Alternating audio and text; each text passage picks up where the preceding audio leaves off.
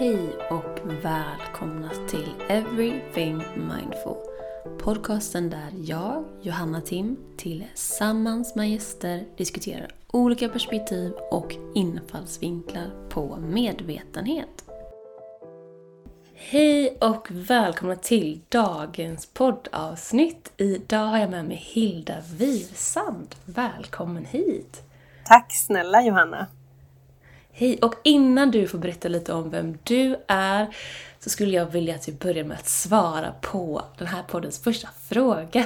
Och det är, vad är medvetenhet för dig och hur använder du dig av medvetenhet för att navigera i din vardag?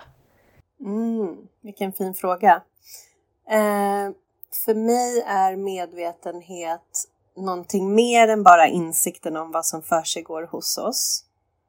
Eh, jag tror att det tar avstamp i att börja bli medveten om vad som händer inuti. Alltså hur hjärtat slår, hur käken känns, hur axlarna eh, känns. Eh, om vi är spända eller avslappnade. Alltså jag ser det som eh, någonting somatiskt, någonting kroppsligt. Och tankemässigt såklart. Men inte bara, utan mycket handlar för mig om att eh, fånga in hela mig. Liksom. Eh, och det tar avstamp i det, att veta och få insikt och känna efter. Men sen handlar det också om att kunna stoppa mig själv där jag är. Så när jag tar notis om att jag är spänd eller frustrerad eller arg eller irriterad eller orolig så handlar det för mig om att kunna pausa. Så det är någonting mer än att bara veta om.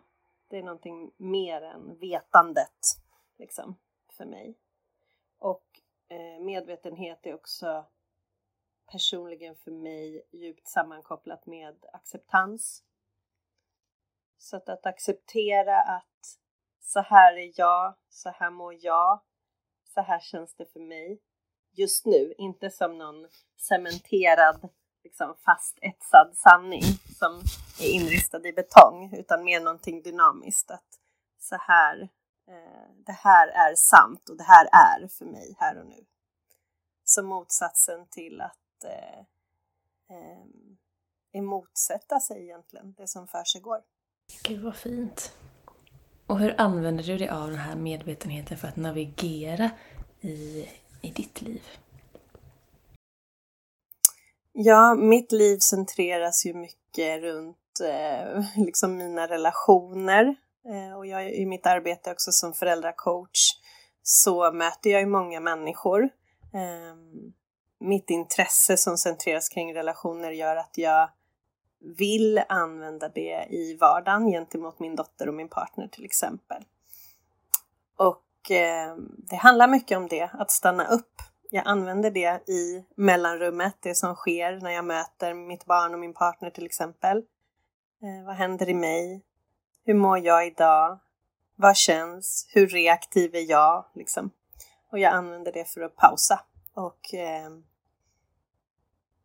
ja, men det är som att medvetenheten och, och insikten om, om mig själv gör att jag eh, kan ta emot information om det som försiggår utan att döma det som försiggår. Och det gör att jag kan välja om och välja nytt. Mm.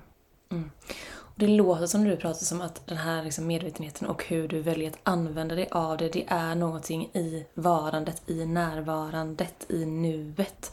Eh, och också med den här acceptansen som kommer i det.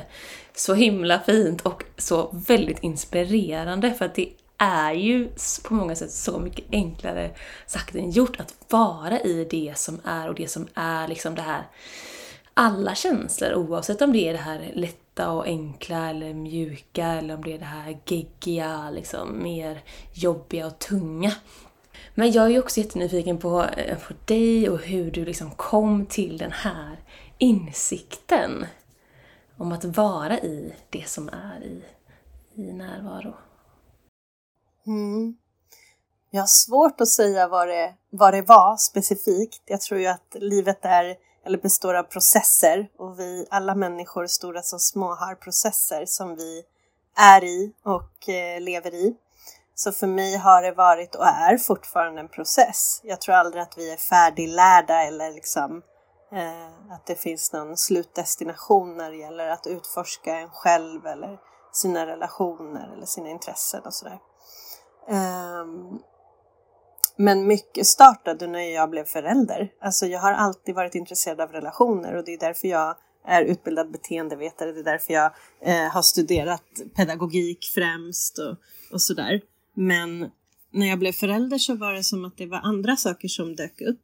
Det var som att eh, ja, men föräldraskapet tvingade mig på något sätt. Det låter hårt, som att det var att jag inte hade något val, men förde mig in på en väg där jag, eh, jag behövde bli medveten. Därför att det hände massa saker i mitt barn till exempel som hon speglade.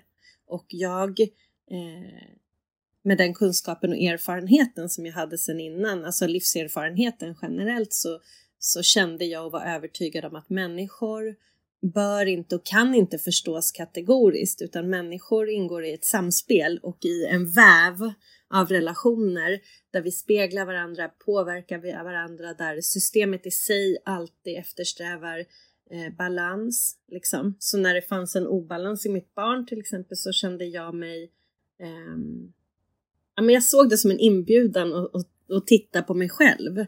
Liksom. Eh, är det något hos mig istället för att förstå eller titta på barnet och tänka vad är det för fel på henne eller vad, vad händer hos henne? Så blev det som en inbjudan att, att fundera på vad är det som för hos mig. Och det är väl också ett sätt att ta ansvar för det som händer i en själv och sitt eget beteende. Jag menar, jag kan känna igen mig så oerhört mycket i det här med att föräldraskapet väcker så många känslor och tankar och hur man vill ha det, hur man inte vill ha det och det kan vara triggande på många sätt.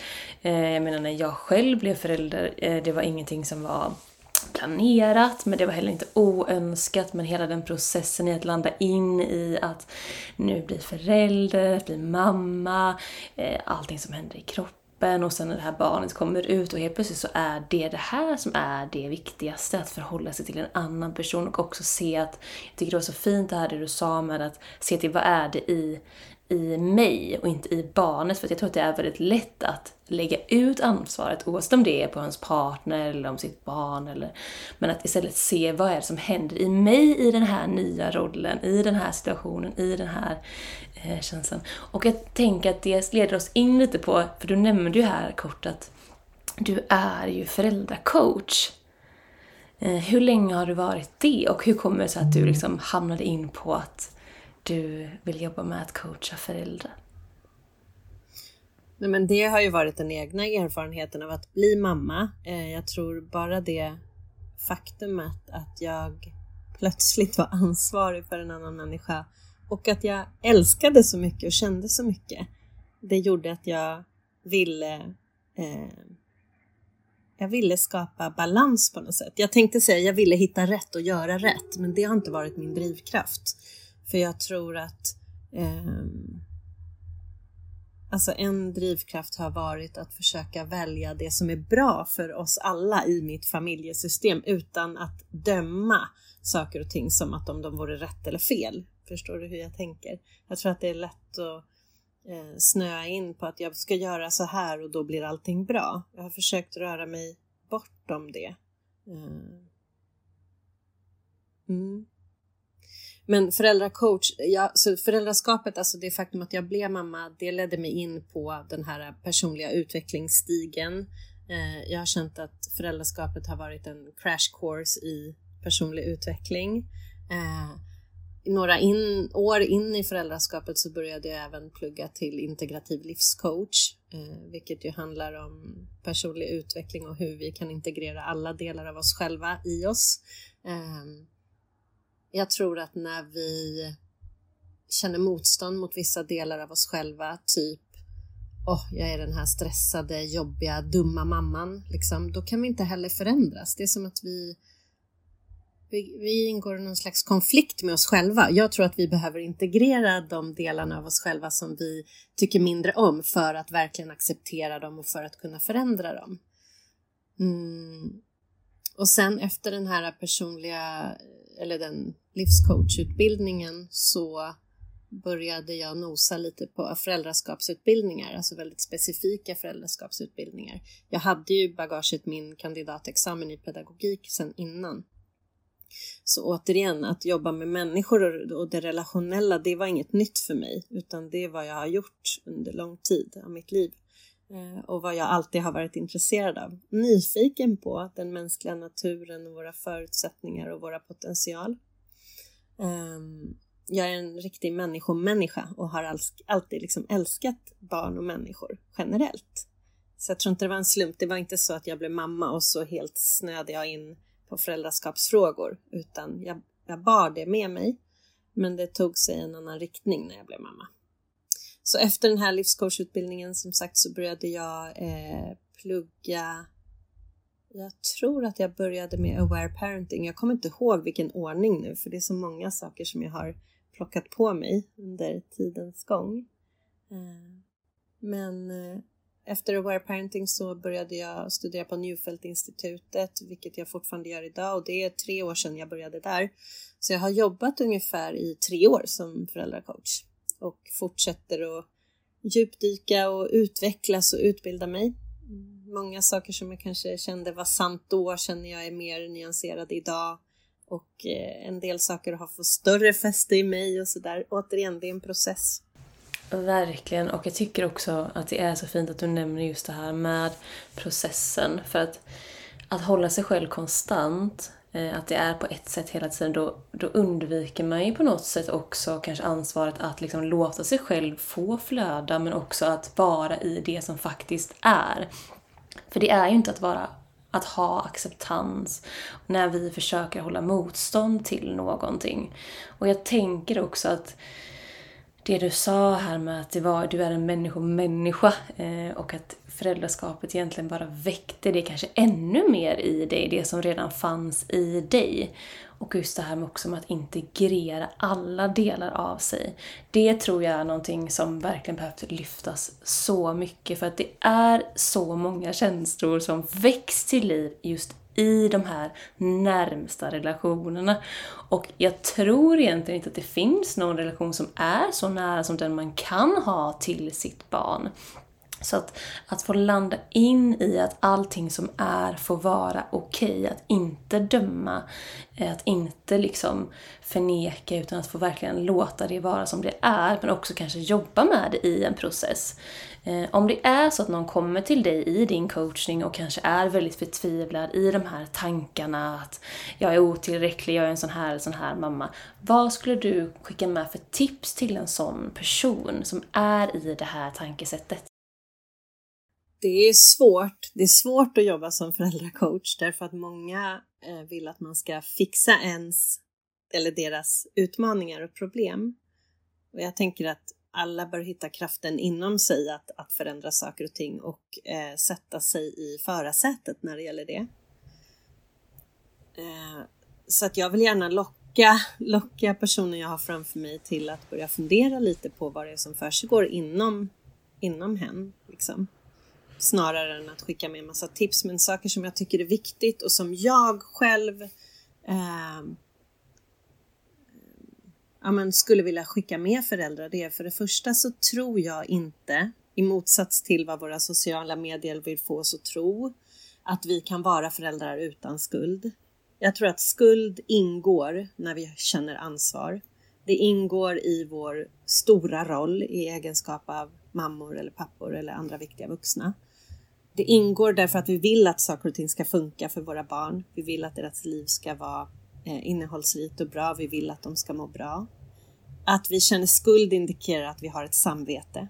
Om vi inte skulle kunna, alltså om vi inte skulle känna skuld så skulle ju inte föräldrar komma till mig i min coaching. De skulle inte vilja eh, förändra saker och ting eller oroa sig för sina barn. Det finns ju ett syfte med allt det här, att vi ska känna alla de här känslorna. Eh, så att det, det är det första, att vara väldigt snäll mot sig själv och vara väldigt snäll mot skulden som man bär på. Den vill en inget ont liksom. Och eh, det räcker med att vi känner skuld, men om vi dessutom adderar en, en dum röst på det där och säger att jag borde inte känna skuld. Vad knäpp och dum jag är som känner skuld. Då blir det någon slags dubbel bestraffning tror jag. Så att det första är att ta hand om skulden, vara snäll mot den, kanske fundera lite på vad den behöver. Kanske den behöver eh, en vänlig röst, någon som Alltså nu, nu pratar jag om någon slags inre dialog som man kan ha med sig själv, men kanske att man kan prata till den delen av sig själv som känner skuld. Eh, och se hur man kan se skulden lite mer och lite djupare. Våga, våga känna den. Mm, att lyssna in känslan. Mm. Och ta upp en relation till den. Eller det är ju syftet. Eh, återigen, jag tror inte att vi kan, målet är inte att vi ska göra oss av med skulden. Målet är att vi ska ta upp en relation till vår skuld. Och en icke-dömande relation. Och först då kan den lugnas lite grann. Liksom. Mm. Och hur skulle det kunna se ut? Eh, jag tror att det ser olika ut för olika människor. För mig personligen har det sett ut precis så att jag har kunnat fånga upp den delen av mig och kunna sätta ord på att nu är det en aktiv del i mig som känner sig, som känner skuld. Vad längtar den delen efter? Jo, den delen längtar efter att saker och ting ska vara smärtfria och eh, flyta på och att mitt barn alltid ska vara eh, glad och nöjd och liksom sådär. Um, den delen, men den delen vill göra rätt. Liksom. Så att eh, hos mig ser det ut som att erkänna det. Nu finns det en del inom mig som bara längtar efter att saker och ting ska flyta på, att göra rätt och så försöker jag vara snäll mot mig själv och inte ha en röst inom mig som säger Gud, det där är så dumt Hilda, du borde inte känna skuld, du är ju så bra, du gör ju allt så bra. Alltså inte försöka köra över skulden, den finns där. Jag försöker bjuda in den istället på något sätt. Mm. Och med det perspektivet som du liksom tar upp här nu, då kan man ju också se på det på ett annat sätt. Så istället för att då så här skuldbelägga sig själv för att jag känner så här, eller jag är inte det här, jag är inte tillräcklig. Att då vända på det och se vad är det jag faktiskt längtar efter. Det var det jag vill. Det är för att jag vill så mycket, för att jag vill väl, för att jag har goda intentioner för mitt barn och nu ser det till exempel inte ut så. Att den känslan egentligen kommer från en, alltså, en, en god plats, en god intention. Istället för att, nej men nu är det så här, nu gör jag inte det här, nu faller jag kort. Det blir en helt annan energi i de olika perspektiven, att se på egentligen samma känsla. När man då går till, vad är det jag faktiskt längtar efter här? Vad är det jag vill? Vad är det jag behöver? Och hur kan jag då hjälpa mig själv i den här situationen för att ändra mitt förhållningssätt till situationen? Mm. Och sen så tänker jag att så här, alla människor Alltså, det är klart att vi, vi har goda intentioner. Det tror jag alla har. Men ibland har vi också inte så goda intentioner. När vår frustration tar över, när vi känner att våra barn kör med oss eller manipulerar oss eller ja, det finns ju tusen situationer där man kan känna eh, att man blir less liksom som människa och att man nästan vill ta till övermakt. Och jag tänker återigen att så här, vi behöver erkänna de här delarna inom oss. Vi kan inte, eh, vi kan inte bara mm, tro att vi är goda och har goda intentioner. Då, då, då ser vi inte delar av oss som är mänskliga. Liksom. Eh, förstår du hur jag tänker? Vi är inte bara liksom vi är människor och det kommer med en massa eh, impulser och instinkter och emotioner som är svårnavigerade. Men jag tror att vi behöver vara i allt det utan att döma. Så min önskan är ju också att föräldrar rör sig bort ifrån eh, bra eller dåligt, rätt eller fel. Det där kanske var dumt, nu gjorde jag så där. det kanske inte blev bra. Alltså alla de här värderande orden. Hur kan vi konstatera och acceptera? För att återigen, som jag sa i början, jag tänker att eh, information utan dömande, det ger oss möjligheten att välja. Verkligen, och det är något väldigt viktigt här som du nämner att vi behöver ju på något sätt acceptera läget för vad det faktiskt är objektivt. Och det kan ju vara extremt svårt. Eh, jag menar, jag har en 14 månaders hemma. Det är alltså, ho, ho, ho. Det kräver mina resurser ibland att bara, vet du vad, hämta hem mig själv. Att inte gå in i hennes energi. Att ta ansvar för mig och mitt förhållningssätt.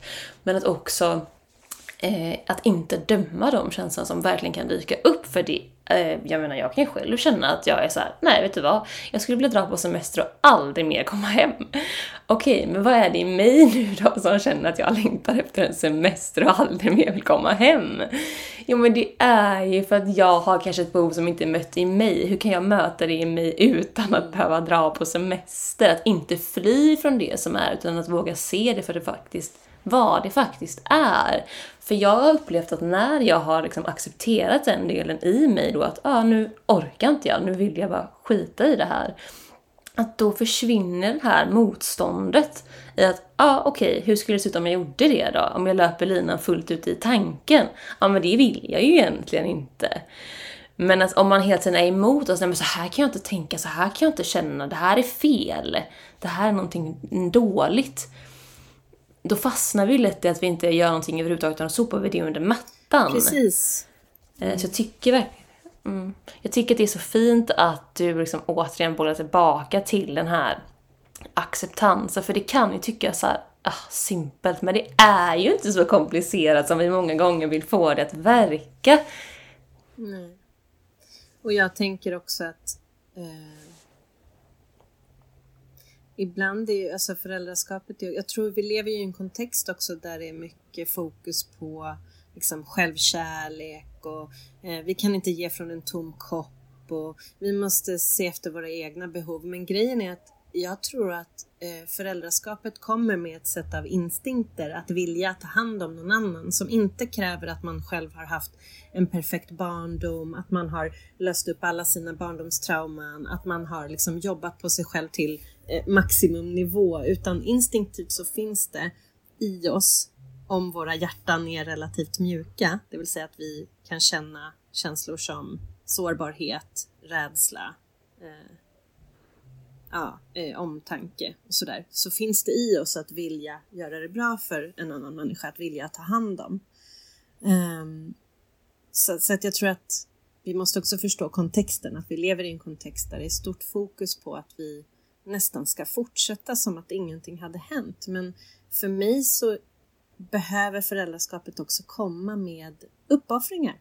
Och vår kultur vill inte riktigt se det så, utan vår kultur tror jag vill att vi ska fortsätta vara massa andra saker än föräldrar. Men att ta hand om barn och ta hand om familjen och ta hand om mammor som drar ett väldigt tungt lass. Det är liksom, jag ser det som urgent, alltså det är, det är en nödsituation att stötta eh, familjen, stötta barnen och stötta mammorna. Mm. Mm. Ja, för det är ingenting som kommer utan någon typ av trade-off. Och ett barn, eh, det är ju verkligen någonting som kräver din fulla, fulla, fulla uppmärksamhet. Och sen så blir det ju successivt mindre på ett sätt, men det blir ju egentligen inte mindre utan det skiftar ju bara form. Från att kanske mer ha med det här alltså mer basala omhändertagande till en början till att sedan vara kanske mer psykologisk närvarande och omhändertagande. Eh, och jag tycker det du lyfter här med samhället i stort eh, jag har funderat på det nu själv. Jag ska ju precis börja liksom reka lite förskola. Och jag känner att den här ekvationen och det här samhället som vi har skapat, det går ju liksom inte i ihop. Precis. Utan det är ju riggat från början. Eh, för att dels då så är det det här du nämner med att vi ska fortsätta ha kanske en karriär, vi ska jobba, vi ska eh, träna, vi ska träffa vänner, vi ska ha alla de här grejerna och sen ska vi också på det vara förälder med, liksom, i ett ansvar som kräver eh, Alltså det är för mig den, alltså det är den mest på många sätt utmanande, fantastiska, underbara, krävande rollen att vara förälder som jag någonsin har varit i. Hur ska man ha utrymme för allt det här andra? Och där tänker jag att där är också en viktig insikt att se till vad är det faktiskt jag själv vill ha? Vad är det jag vill ha i mitt liv? För det här som samhället har skapat som en norm, det behöver inte betyda att det är rätt för mig eller för någon annan. Men jag tror att det är lätt att hacka tillbaka i det. Jag kan uppleva det när jag pratar med mammor, vänner, att det är liksom någon tanke om hur saker och ting ska vara. Hur det ska vara, hur vi ska göra istället för att liksom känna inåt. Vad är det jag faktiskt behöver? Vad är det jag vill ha? Och vad är det... Men också det här som du nämner med ett ansvar, för det är ju faktiskt ett ansvar att ha ett barn. Och det är inte alltid man vill. Det var inte alltid jag ville gå upp mitt i natten och amma fyra gånger och byta två blöjor. Nej, det vill jag inte. Jag hade gärna velat gå och lägga mig och sova igen. Men det är ju det som är i föräldrarollen, att där handlar det om, som du säger, uppoffringar. Mm. Att se till någon annans faktiska behov. Mm. Och Precis. jag tror att det kan vara en en ganska stor utmaning i det samhället vi har skapat. Så jag tycker det var fint att du lyfte det. Mm. Och det är det och det är en sorg för mig att se att eh, nej men vi är väldigt ensamma i vårt föräldraskap så att barn, barn idag har ju väldigt få anknytningar, nära anknytningar, kanske en, två, på sin höjd fyra per fyra, sex personer eh, om man har liksom mor och farföräldrar eller andra, andra vuxna runt omkring sig. Men att vi som lever i de små kärnfamiljerna får ju inte något andrum och barnen, har inte, barnen får inte se hur olika vuxna kan vara liksom, och hur olika funktion vuxna kan ha utan allt, allt hänger ju på oss. Allt hänger på oss i den närmsta kretsen vilket gör det otroligt svårt. Så jag tror att man behöver vara extra snäll mot sig själv. Det blir extra lätt att känna eh, känna sig dålig helt enkelt i en sån kontext. Utöver att vår kultur gärna vill blicka bort från skulden då. Så en sån, den kombinationen gör ju att det blir väldigt tufft för många. Hur har du själv navigerat i de här, liksom, i systemet, i samhället, i känslorna och i... Hur gör du för att liksom inte gå in i det? Mm. Nej men det är svårt. Jag lever i en kultur som inte är lika individualistisk som den svenska. Så det gör ju någonting för oss och för vår familj. Alltså, vi har grannar som man kan springa över till. Vi har, vi har inte så kallt året om, vilket gör att man kan vara ute mycket. Man är inte så isolerad menar jag, utan det finns mer liksom, man kan umgås på ett helt annat sätt. Det är helt andra förutsättningar för att träffas och vara med varandra. Eh, sen har ju min partner familj här, vilket är såklart eh, ett jättestöd. Inte i den meningen att vi kan lämna bort vårt barn till dem. Det är inte det jag menar. Men att det finns andra vuxna som bryr sig om vårt barn och som vill vara med henne och, och sådär. Så det har varit viktigt. Men för mig personligen är det en sorg. Så att jag har fått sörja det helt enkelt. Sörja att, att vi inte har mer vuxna runt omkring oss. Sörja att mitt barn inte har fler anknytningar att ty sig till. Sörja att, eh, att skolan till exempel inte förstår vikten av av anknytning och våra relationer som, en, som, som grundläggande för att överhuvudtaget kunna vara lugn och därmed ta in kunskap och lära sig. Alltså en sorg kring att, kring att även Katalonien i Spanien då, där jag bor, börjar ta samma väg som, eh, som många andra europeiska länder med att alla sköter sitt och ingen bryr sig om någon annan och liksom sådär. Ja. Så jag kan, inte, jag kan inte säga annat än att jag har försökt eh, ta vara på de resurser som jag ser finns. Alltså vad finns tillhanda? Vad, vilka människor kan jag lita på och involvera i mitt barns eh, uppfostran? Och, eh, och också sörja det som jag inte kan förändra. Gud vad, alltså moget är det ordet som kommer till mig. Att verkligen säga ja, jag gör det jag kan göra och sen så får jag acceptera det som jag inte kan göra någonting åt. Och att verkligen få landa in i den känslan då om det är sorg eller frustration eller vad den är. Att tillåta sig själv att vara i den känslan. Eh, för jag tror att mm, alltså hur vi vuxna beter oss gör ju också, skapar ju också förutsättningar för våra barn att kunna få vara i alla sina känslor. Och det är någonting som jag vill prata lite med dig om också. För att Barn har ju verkligen ett känslospektra och det kan röra sig fort. Det är upp och ner och min upplevelse är nu då min 14 månaders men där går ju det ganska snabbt och det är liksom, här är en känsla och sen släpper den och sen så ändras ju det här såklart i åldrarna men det är ju någonting att förhålla sig till. Eh, vad är dina tankar kring barns känsloliv? Mm. Mina tankar är att barn föds som experter på känslor och att det är inte är någonting som vi behöver lära dem att hantera. Utan barns känslor eh, kommer och går likt en våg. Men det är extremt utmanande för oss och för mig personligen har det varit det och det har ju också lett mig in på eh, att fokusera mer på känslor därför att jag såg, eller snarare jag kan se nu och blev någonstans i min föräldraresa medveten om att, att det blev någon slags eh, geggamoja eller fusion mellan mitt barns känslor och mina. Så jag tror att det är extremt viktigt att kunna separera. Vad är mitt och vad är mitt barns? Och återigen, det är en process. Det är ingenting man kan göra när man har en liten bebis. Det är ofta väldigt svårt och jag tror också det finns ett syfte med att vi inte ska kunna göra det där och då därför att vi barns känslor ska påkalla vår uppmärksamhet så att vi kan agera i enlighet med deras behov och deras liksom, unika temperament. Så att det är klart att det, det, är tänkt att vi ska bli jättealarmerade när bebisen gråter. Skulle vi vara eh, ja, men likgiltiga inför det så skulle inte barnet få sitt, sitt behov tillgodosett. Så att det fyller en viktig funktion. Men i takt med att bebisen eller barnet blir äldre så är det också viktigt tror jag att sortera lite. Precis som att det är viktigt att sortera gentemot våra egna föräldrar eller våra partners. Vem, om min partner är arg och sur, varför är jag plötsligt arg och sur då? Liksom, hur kan jag sortera där? Och eh, precis som du nämnde tidigare med din 14 månader, hur kan du eh, göra för att inte smittas liksom, av de känslorna och gå in i dem som att de vore dina egna? Och det är supersvårt. Och eh, ja, någonting som jag tror att man hela tiden behöver fokusera på. Liksom. Precis som när vi, när, vi, när vi med lite äldre barn kanske försöker argumentera bort deras känslor genom att förklara men vadå, var inte ledsen eller besviken nu, du har ju fått göra det här och ser du inte allt det här som var så bra och det här. Jag tror att vi håller kvar barn i deras jobbiga känslor när vi inte låter dem passera naturligt och bara vara med dem i det. Mm. Och det är väl lätt att rationalisera för att vi inte själva kanske vill acceptera då eh, att en annan person kan ha en annan upplevelse också. Att den här känslan alltså, kan ju påver den påverkar ju oss.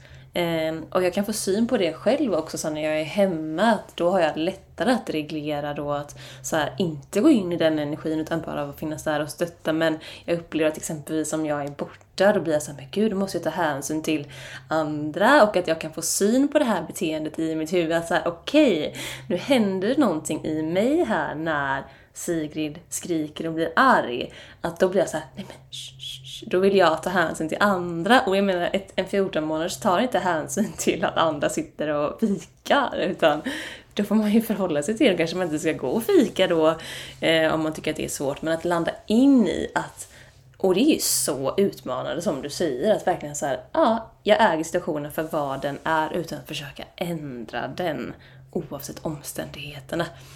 Men jag vet att du inte är så mycket för tips för att du vill ändå att folk ska känna in. Men om man är, man befinner sig i den situationen, istället för tips, eh, kanske ett första steg, vad, vad kan man börja göra för att liksom försöka få syn mer på de här beteendena hos sig själv för att kunna då vara mer en förebild eh, för sitt barn och också kunna liksom leda sig själv i den dynamiken. Har du någonting som du något första steg. Det behöver inte vara något konkret verktyg eller tips, men någonting som man kan göra. Men jag tänker att det beror lite på var man befinner sig själv i sin resa när det gäller att bli medveten om eh, vad är det som för sig går i mig? Hur känner jag? Vad är mitt och vad är ditt?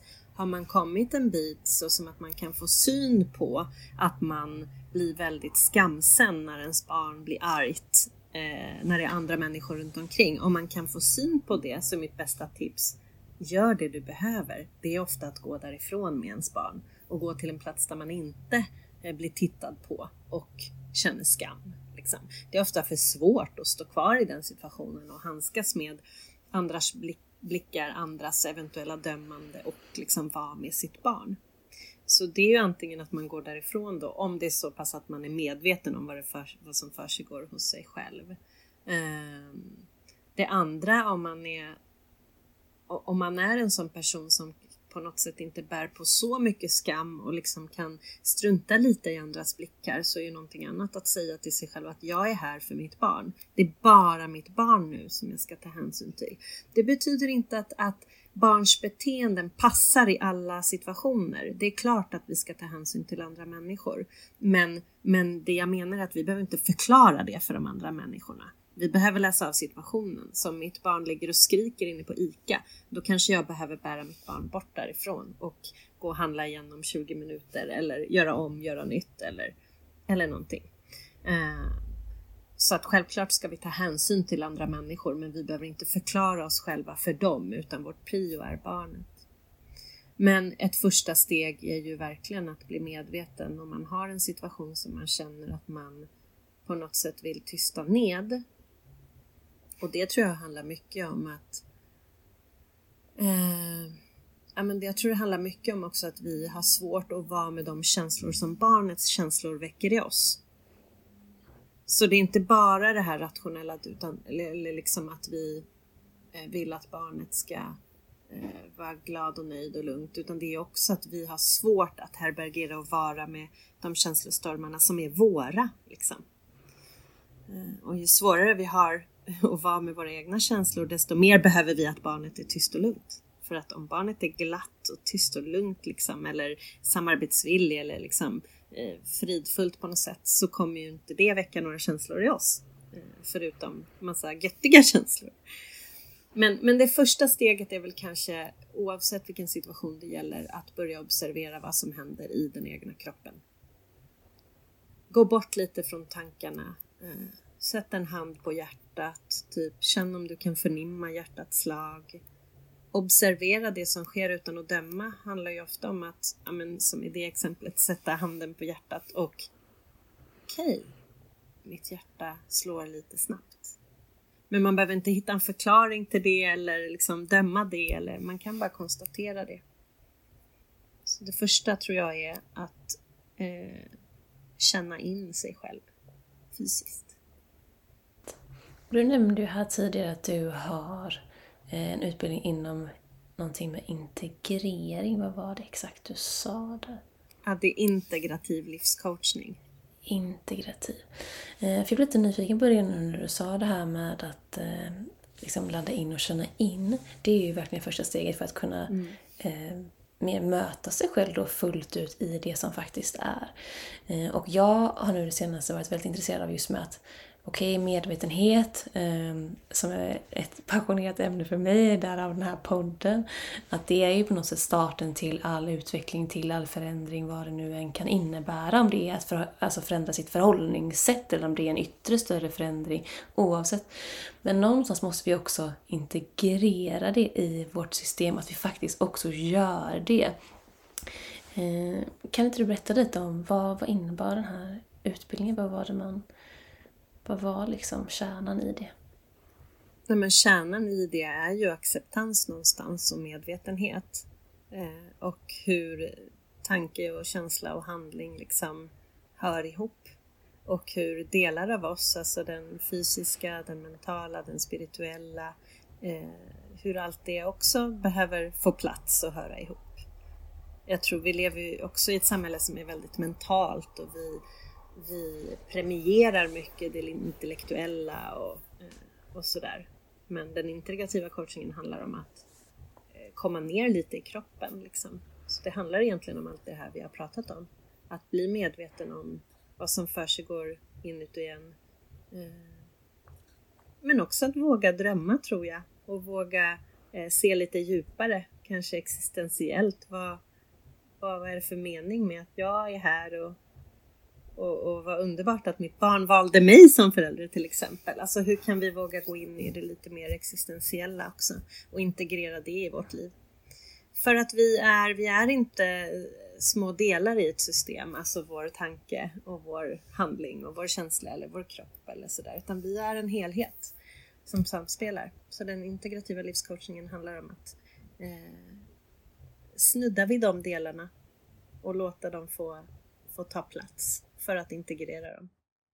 Jag tycker verkligen att det här är så himla, himla, himla viktigt att lyfta just helheten. Att det är inte bara eh, jag, lilla jag. Jorden snurrar inte, alltså universum snurrar inte kring mig, utan jag är en del i det här systemet. Och jag tror att när man får den insikten, att man är en del av helheten, att ah, alltså, huh, jag kan ändå andas ut lite för allting, alltså det är så, det som jag skapar i mig själv, i mitt huvud kan bli så stort.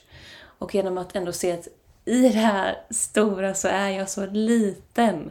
Och ändå är jag så stor. Och att få verkligen vara i det som faktiskt är. I den helheten, i den komplexiteten som det innebär att vara människa. Men att man också kan skapa sin egen mening i det. Jag tror verkligen att vi behöver det och det är nog därför en tanke som jag har, varför folk känner sig så kanske vilsen, ensamma, är för att vi inte har det här helhetstänket och perspektivet utan vi kan inte liksom knyta an till någonting större än oss själva och då kan vi känna oss ganska ensamma i den, i den processen om det bara är lilla jag. Eh, Precis. Men vi är ju vi är ju så lika varandra i vår kärna. Och i det så kan man också få en helt annan gemenskap och förståelse för varandra. Ja. Ja, och därav vikten att söka sig till likasinnade. Liksom. Inte för att hålla varandra om ryggen och att alla ska tycka lika, men att vi behöver, vi behöver stöd och en känsla av ett community. Liksom. Vi behöver andra människor för att må bra. Vi är, vi är, vi är inte ensamma, som du säger, och vi kan inte Eh, liksom, vi kan inte älska oss själva till välmående utan vi behöver andra människor för det. Vi behöver känna oss eh, som en viktig del av någonting. Vi behöver känna tillhörighet och eh, att vi betyder något och att vår insats betyder något.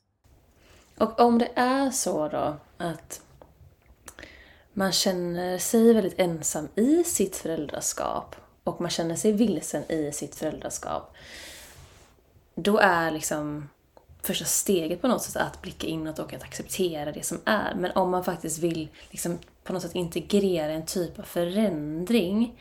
Har du något, eh, något Ah, jag kommer till tips här igen, men har du någon liksom, något värdefullt råd kanske? Som man kan liksom börja titta på för att också ta sig vidare. För att någonstans är ju acceptans och medvetenhet första steget. Men om man ändå vill ta sig vidare till att kanske leva med det här livet där man faktiskt integrerar det som man vet här i huvudet, att landa ner i kroppen. Har du något sånt här mm, ja, råd eller tips att komma med då? Jag tror att man behöver blicka runt och se vad man har för resurser. Det finns ju människor som inte alls har det utan som lever väldigt, väldigt ensamt. Och då är det kanske väldigt svårt. Samtidigt så underlättar ju sociala medier det, tänker jag. Det minskar ju distansen mellan oss. Även om jag tror att sociala medier för med sig massa som inte är bra också, så tror jag att ur den aspekten så är det så att man känner sig väldigt isolerad ensam så finns det ju många fina communities liksom online. Och där tänker jag att, att, att det handlar om att söka sig till dem. Så det handlar om att se vad har jag för resurser här nära mig till hands. Eh, så är man väldigt ensam så tänker jag att det, det är ett sätt. Eh, har man ändå något slags nätverk så tänker jag att, att också våga våga söka sig till dem öppet. Liksom. Våga söka sig kanske Eh, till andra föräldrar i ens närhet, ta kontakt med föräldrar från förskolan eller skolan eller ja, jag vet inte, jag tänker att det handlar om att försöka se vad man har för resurser redan och ta tillvara på dem. Att se det liksom som är, som man redan har. Ja, och där tänker jag också att det är svårt för att vi lever återigen, vi eh, många som är inne på föräldraskap och framförallt kanske det här nära medvetna föräldraskapet. Eh, jag tror det finns mycket oro där, oro kring att andra människor ska behandla våra barn på ett sätt som inte är okej. Kanske att andra generationers människor som mor och farföräldrar eller andra äldre personer ska eh, jag vet inte, truga och tvinga barnet att äta upp sin spenat eller eh, säga till barnet att så där får man minsann inte bete sig. Så, så vi blir väldigt rädda för att låta barnen vara i sådana relationer och vi tror att det är skadligt kanske till och med. Men jag skulle försöka få eh, de personerna som känner att de vill ha mer människor i sitt liv och liksom vill till en förändring och leva i mer enighet med med det som vi pratar om här, det är ju att faktiskt se, har man andra människor i sin närhet, kanske äldre människor som man faktiskt kan skapa en relation med, även om den inte är perfekt, kan relationen i sig få väga tyngre än, än, än att man ja, än att behöva vara en perfekt eh, mormor till exempel. Och det förutsätter ju att man måste, man måste såklart känna in ens barn, att barnet eh, faktiskt tycker om den här personen. Men samtidigt får man inte glömma bort att barn är först och främst inställda på hur vi känner kring andra personer. Så att om vi inte tycker om vissa personer så blir det väldigt svårt för barnet att göra det också. Så bjuda in mer människor, tänker jag. Mm. Och där tycker jag du sa något väldigt viktigt också. För att jag menar, dels, eh, det finns ju ingen perfekt människa och att bara liksom den insikten att vi är inte perfekta, eh, det tar ju bort väldigt mycket krav och skuld skulle jag tro. Men också det här med att vad känner barnet? Barnet kanske har en jättebra relation med sin till exempelvis mormor eller farmor eller vad det nu är, även om man själv då kanske inte har den bästa relationen. Men att sätta sig själv åt sidan i förmån för sitt barn. För vad den tycker, för vad den känner och att de kanske har en helt annan relation. För vi är ju relationella eh, varelser. Så att bara för att en person har en dynamik med någon annan behöver inte det betyda att barnet har samma dynamik. Men att inte liksom projicera våra känslor eh, på barnet i det. Eh, men det kräver ju medvetenhet eh, också, återigen. Så att mm, det är en process och jag tycker det är så himla viktigt att lyfta det återigen och som du säger att det är ingen quick fix i ett samhälle som gärna vill ha snabba lösningar. Eh, och det är därför det kan vara lite lurigt med tips. Ehm, men jag tycker att det beror lite på tipsets karaktär. Eh, för det är ingen checklista, gör det här, det här, det här och sen så kommer du på en vecka liksom ha lösningen här, perfekt uppförande och det är inte så det funkar. Sen tänker jag också så här att något som jag ofta vill skicka med föräldrar det är ju att, att i ett samhälle som är men lite så här, jag vet inte om det är rätt ord att säga, men lite föräldrafientligt. Att det finns alltid någon annan som vet bättre än du och barn behöver det här från de här och de här personerna som liksom inte ingår i ens, eh, ens närmsta nätverk mer än vad de behöver dig som förälder. Alltså det är inte sant, utan eh, vi föräldrar är otroligt viktiga för våra barn. Det, det ska liksom inte underskattas eller undermineras. Eh, för att jag vet många kommer till mig och, och har, bär på känslan av att så här, mitt barn skulle ha det bättre hos någon annan och liksom jag är helt eh, oduglig som förälder och så. Och det är en känsla som vi kan eh, plocka fram och, och, och kanske prata vänligt till och acceptera. Men jag vill ändå säga att det är inte sant i de allra flesta fallen. Liksom. Utan eh, vi är bra för våra barn och våra barn behöver oss ofta mycket mer än vad vi tror. Och när jag säger behöver så menar jag att de behöver vår emotionella och fysiska och psykologiska närvaro i den mån det är möjligt. Det är inte farligt att, att, att säga nej till ett barn om det är så att vi behöver prioritera något annat. Det är inte det det handlar om. Men att eh, barn behöver känna att de är välkomna i vår närvaro och att vi vill vara med dem. Jag tycker att du sa något väldigt viktigt här också med att det betyder heller inte att man inte kan sätta gränser. För jag kan uppleva att i det här att det finns ju olika typer av föräldrastilar och hur man ser på saker och ting. Men med det här med att man försöker vara då mer kanske medveten och eh, inlyssnande till barnens behov. Att det kan bli att det blir gränslöst på något sätt också. Till liksom, eh, att man försöker att eh, få det att rikta det på det sättet. Och det handlar ju inte om det heller, utan det handlar ju snarare om att vara kanske en vägvisare men också se till vad barnet faktiskt behöver. Men inte att det får vara gränslöst, för att barn är ju barn. Och vi är ju vuxna. Och det, jag tror att det är väldigt viktigt att också lyfta det här med att barn måste få vara barn och måste få vara små. Och då kräver det att vi får vara stora. Och om vi känner att vi vill vara små, då får vi vara i en annan relation. Inte till våra barn. Precis. Mm. Mm, exakt, och det är ju någonting jag pratar mycket om. Och jag tror att, att, in, alltså att vara gränslös, att inte våga säga nej, eh, det kan ju handla om massa olika saker men, men till mångt och mycket ser jag i alla fall att det är ett undvikande beteende. Och vad är det vi undviker då? Jo, vi undviker barnets jobbiga känslor tillfälligt för att vi vill undvika våra egna jobbiga känslor, kanske av att känna att barnet inte tycker om oss till och med. Alltså vi har ett stort behov av att känna oss älskade själva. Men jag tror att där, där misstar vi lite våran roll. Alltså barnet behöver tillåtelse att vara arg på oss, besviken på oss och att vi står kvar. Att vi står kvar, att vår relation står kvar, att det inte rubbar oss i, i vår vilja att vara nära barnet. Liksom. Verkligen. Och om man vill jobba med dig eller ta kontakt med dig, hur gör man det då? Eh, ja men lättast är ju att typ eh, boka tid med mig på min hemsida www.respektfulltföräldraskap.se eh, Där finns det en bokningsfunktion. Man kan även mejla på info.respektfulltföräldraskap.se.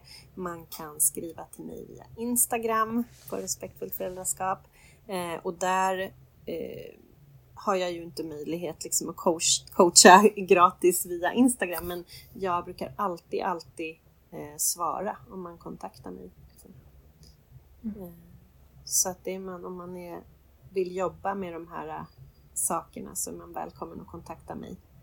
Eh, och då skickar jag med att man behöver veta att det är inte så att, att man kommer ha löst någonting som har varit konfliktfyllt länge eller svårt för en själv länge på liksom en session utan man behöver vara beredd att investera lite tid, eh, tid och pengar i, i sig själv.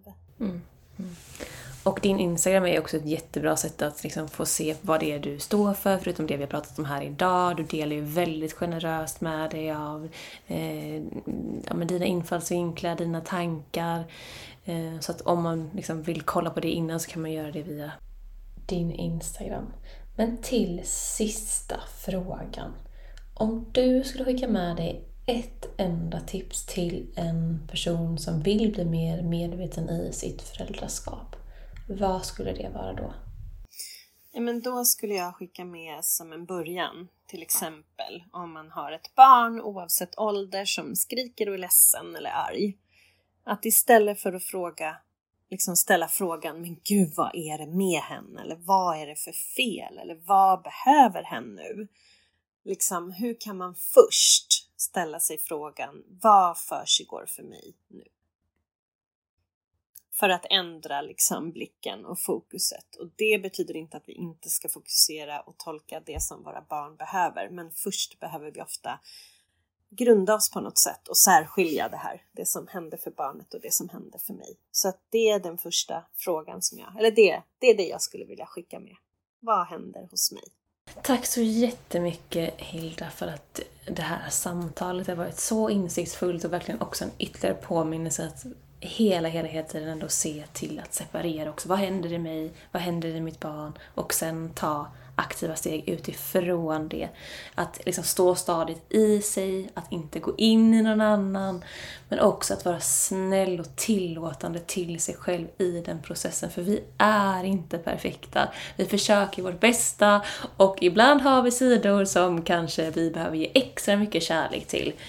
Eh, så himla fint att prata med dig, jättefin påminnelse. Men tack till dig Johanna, tack för att du bjöd in mig och ville ha ha med mig här. Det har varit jättelärorikt. Tack. Tack.